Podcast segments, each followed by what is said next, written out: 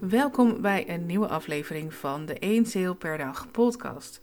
Een podcast voor introverte ondernemers die meer uit hun online onderneming willen halen en funnels daarbij als ideale tool zien.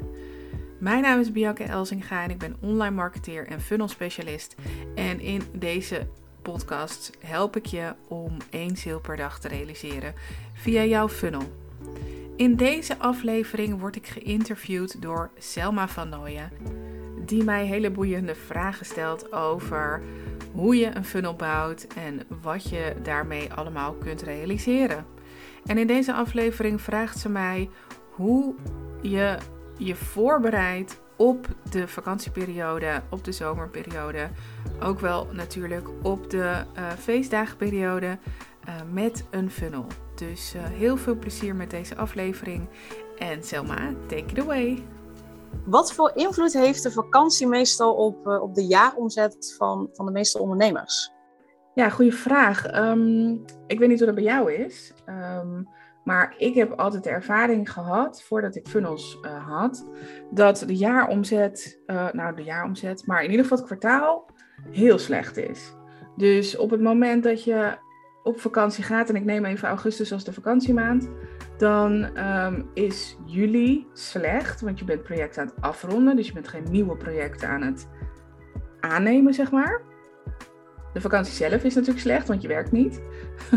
en dan de, de, de, de maand daarna, september, is ook lastig, want je hebt geen, hoe zeg je dat? Je hebt geen bucket van mensen die, tenzij je natuurlijk vaste klanten hebt, dat is een heel ander verhaal. Maar als je in projecten werkt, zoals ik heel vaak doe, dan uh, is september ook gewoon slecht, omdat je geen nieuwe klanten in augustus aan het werven bent, want je bent lekker vrij aan het nemen, tenzij je dus zo iemand bent als ik, en dan zegt, hey, uh, ik ben wel vrij in augustus, maar ik ben toch aan het werken in augustus.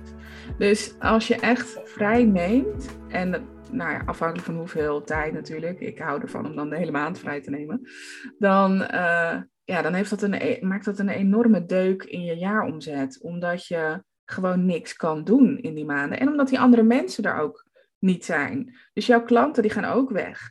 Dus ook al heb je vaste klanten, tenzij je met iemand hebt afgesproken, nou doe gewoon elke maand 2000 euro uh, en ga lekker aan het werk. uh, maar die klanten die zijn heel schaars. um, ja, zit er gewoon altijd een gat. Dus ook al heb je vaste klanten, zit er toch een gat in een maand uh, qua omzet, omdat je die uren niet maakt. En ja, dat is gewoon heel erg lastig, lijkt me. Nou, vond ik in ieder geval. Uh, om dan gewoon goede jaaromzetten te draaien. Ja, ik herken dat wel, want het maakt ook dat ik van tevoren denk: oh, uh, de vakantieperiode komt er weer aan. Oh, ik moet even extra werken, meer uren werken, harder werken. en daarna ook van ja, wat je zegt, juli is rustig, omdat je dan aan het afronden bent. Maar september ook, want die vijver heb ik niet gevoed met content of wat dan ook. Kan wel inplannen. Maar soms is het ook belangrijk dat ik mensen benader. Dus um, ik herken daar wel. En dan vooral het stukje ook dat ik dan daarbuiten maar meer en harder ga werken.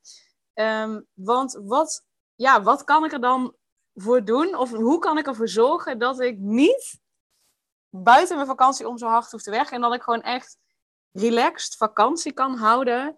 Um, en dat het misschien hopelijk ook nog tijdens mijn vakantie ja, geld kan verdienen. Ja, goede vraag ook weer. Um, ja, weet je wat het is? Um, wat jij zegt is, is helemaal waar. Je bent hartstikke hard aan het werk voor de vakantie.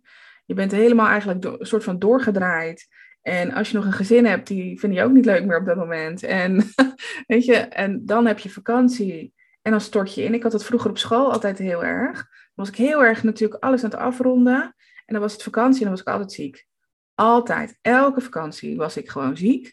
Omdat ik dan, ja, dan kwam alles eruit natuurlijk. En dan was, opeens is je systeem gaat plat en dan is het gewoon klaar. Dus um, ja, wat kun je daaraan doen? Uh, ik denk dat je sowieso, als je uh, met projecten werkt, kun je het heel erg voorbereiden. Dus juist over het hele jaar uitspreiden uh, en sparen. In plaats van alles in mei en juni en juli te proppen. Um, en uh, dingen te gaan automatiseren. Dus dat betekent dat je een systeem voor jezelf gaat bouwen. waarin je producten stopt. En dus geen diensten stopt waar je uren in maakt. maar juist producten erin stopt waar je, nou ja, die je één keer maakt en die je dan altijd kunt verkopen. Zodat je met die inkomstenstroom, waar je niet van gaat leven verder, ja, dat kan wel natuurlijk als het allemaal groot en, en groeit en zo, maar je kunt die juist gebruiken om de vakantie mee te financieren. Dus, en ook niet alleen maar die drie maandjes, maar gewoon het hele jaar door hè, komt daar geld uit. Dat geld, dat zet je apart, zodat je in ieder geval eigenlijk in januari al weet, oh, ik kan relaxed in augustus op vakantie, want ik heb het geld al verdiend wat ik nodig heb om van te leven. Ik heb het geld al verdiend om de vakantie te betalen. En ik heb het geld verdiend voor de zakelijke kosten. En ik heb het geld verdiend om extra uit te geven. Dat klinkt wel uh, als, als enorme vrijheid als ondernemer ja. zijnde. Ja, toch? En daar begin je al in september mee. Dus je begint in september eigenlijk al met weer sparen. Of eigenlijk het geld laten vloeien vanuit die funnel naar je spaarrekening voor de vakantie. Want die heb ik gewoon, hè, ik heb dat in, in knap uh, bankzaken, heb ik gewoon aparte rekeningen en eentjes voor vakantie. En alles wat dan via die ene funnel binnenkomt, gaat naar die ene rekening. Nou niet helemaal automatisch, maar goed. Oké, dat kan nog net niet. Maar dat stort ik dan allemaal op die vakantierekening, zodat ik dat zie groeien en ook dus daarmee het vertrouwen voel groeien om lekker op vakantie te kunnen gaan. Ja, en dat klinkt dus als dat ik daardoor vaker vakantie kan nemen, doordat het dus automatisch kan. Ja, dat kan ook. Ja, dat kan zeker. En, um, en dat is gewoon heel lekker. Dat je gewoon kunt zeggen, oké, één keer per maand ga ik gewoon een week vakantie houden. Ja. Want het geld is er gewoon. En het komt vanzelf binnen. Natuurlijk, je moet er wat voor doen. Hè. Het is niet helemaal automatisch. Daar gaan we het straks nog over hebben. Maar um, het gaat wel vanzelf. En dat is ja, dat geeft, nou ja, dat wat je zegt, die vrijheid die je zo verlangt als je gaat ondernemen. Want ik denk dat je het met me eens bent, dan moet je maar zeggen zo. Uh, dat als je begint met ondernemen, eh, of je bent al vijf jaar bezig en je bent alleen maar uren aan het verkopen, dat je nog in dezelfde red race zit als in loondienst. Behalve dat die zekerheid is weggevallen van het geld. Ja, ja dat is zeker waar. En ik denk dat veel mensen gaan ondernemen vanwege de, de vrijheid die ze hopen dat het ondernemerschap hen oplevert. Maar ja, je hebt misschien juist net wel minder vrijheid en je moet juist net meer uren werken, omdat je nu ook dat geld binnen moet halen, die omzet binnen moet halen. Ja. In plaats van alleen het werk doen. Precies, dus je bent niet meer alleen het werk aan het doen. Je bent ook de administratie, de marketing, de sales, et cetera, et cetera aan het doen. Of je hebt iemand ingehuurd die dat voor je doet, maar die moet je ook weer betalen. Dus ja, geld is gewoon een hele belangrijke rol in ondernemerschap, in, in het ondernemen. En ja, daar moet je voor jezelf, um, denk ik, als je slim bent, systemen voor bouwen om dat naar je toe te trekken, zeg maar. In plaats van dat je er continu achteraan holt, zeg maar. Dat is eigenlijk wat ik altijd deed.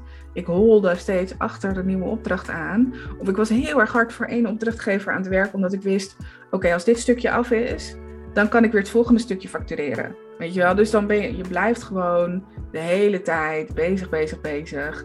Terwijl het hoeft tegenwoordig niet meer, want we hebben internet uitgevonden.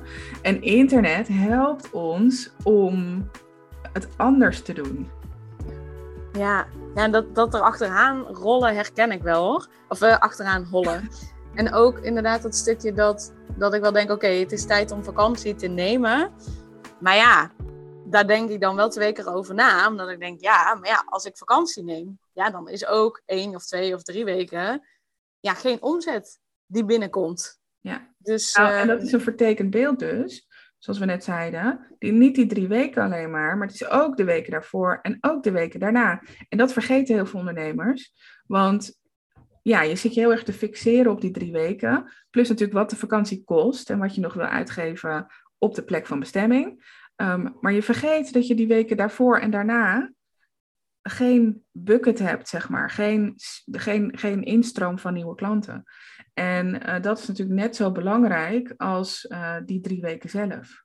Ja, ja klopt. Ja, goed dat je dan ook even Ja, plus dat je eigenlijk... Kijk, wij denken nog in drie weken. Want dat is zeg maar wat je op, in loondienst zeg maar weg mag.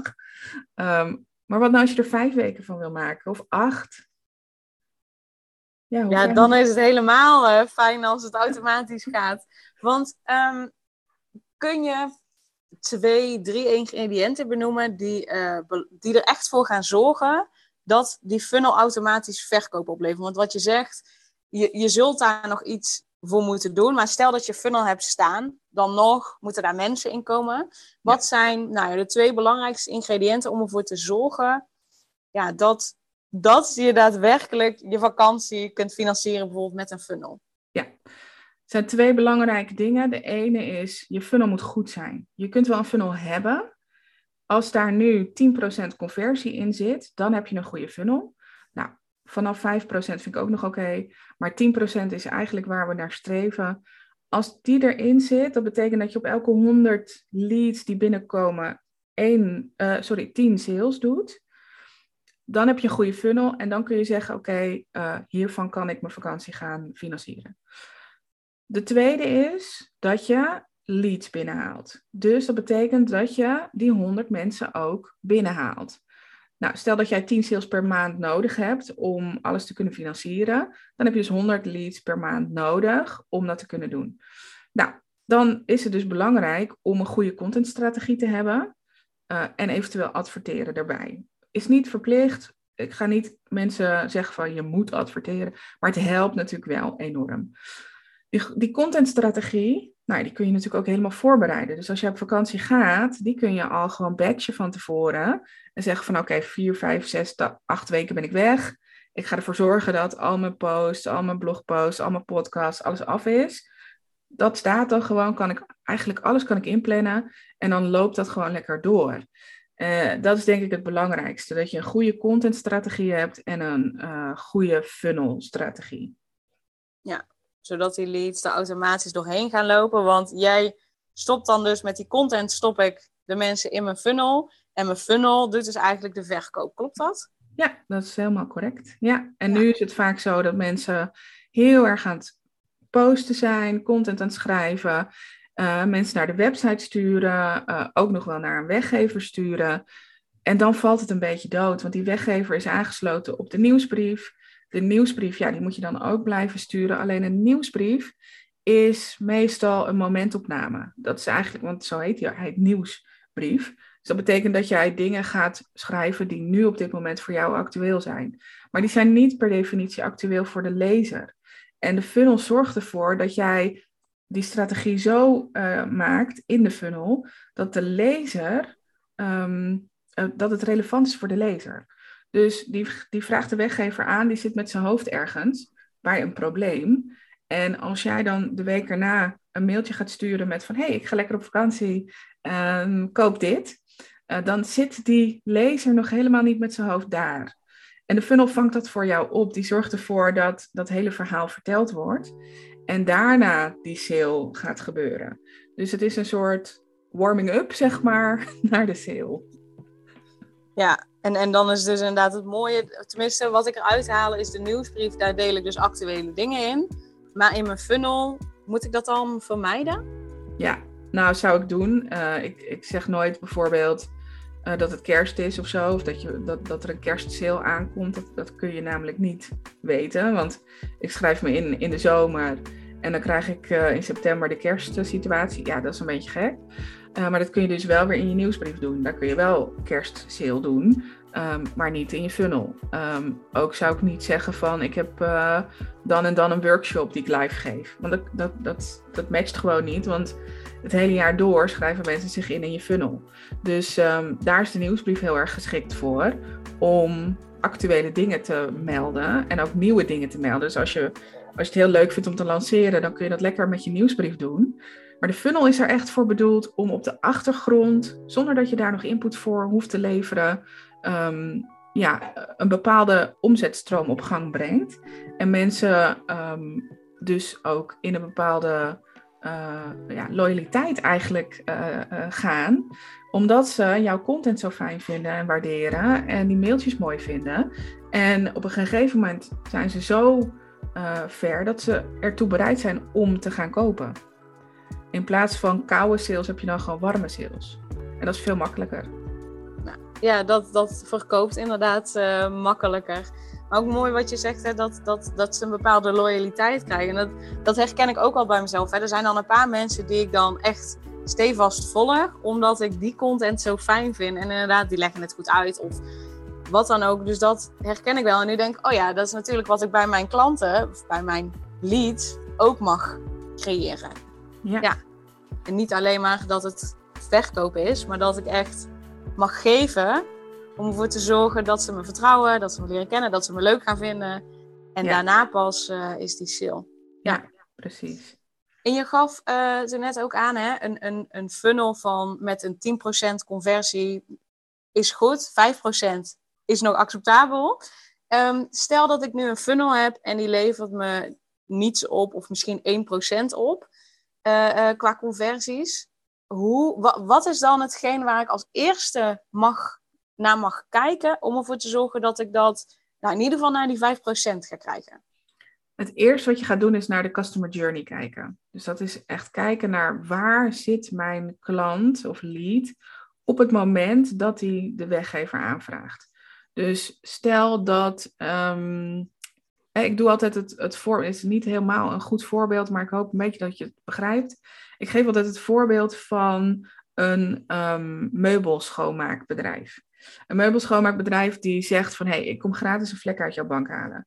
Die mensen die komen al naar jouw huis toe, gratis, om één vlek uit jouw bank te halen. Maar als jij een stoffen bank hebt, dan weet jij dat als die ene vlek eruit is, met nog een stukje eromheen, dat jij opeens een heel schoon stukje hebt en verder een hele vieze bank.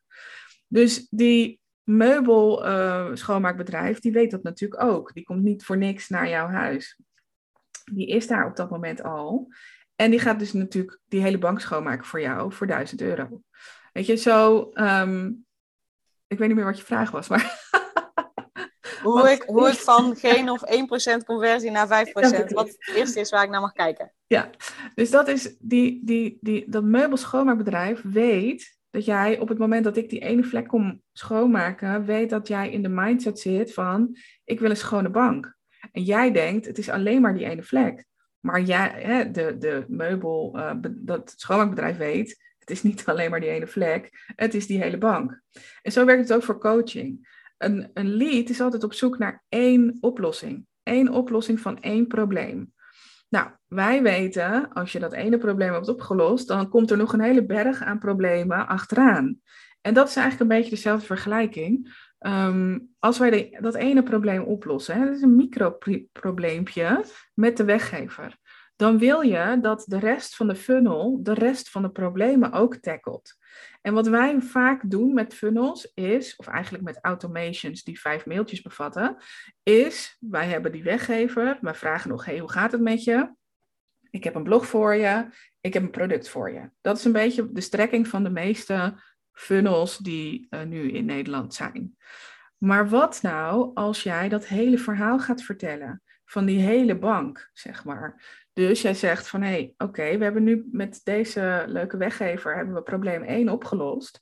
Maar als het goed is, als je het werk gedaan hebt ook, ga je het volgende probleem tegenkomen. En dat is eigenlijk wat je, waar je naar kunt kijken als eerste, als dus de funnel niet goed converteert. Wat is het verhaal wat ik nu vertel in deze funnel? Hoe lang loopt die? Is het lang genoeg? Want de meeste mensen hebben een jaar nodig om te kopen. Dus dat zijn denk ik al dingen waarvan je kunt zeggen, dat werkt nog niet goed in mijn funnel.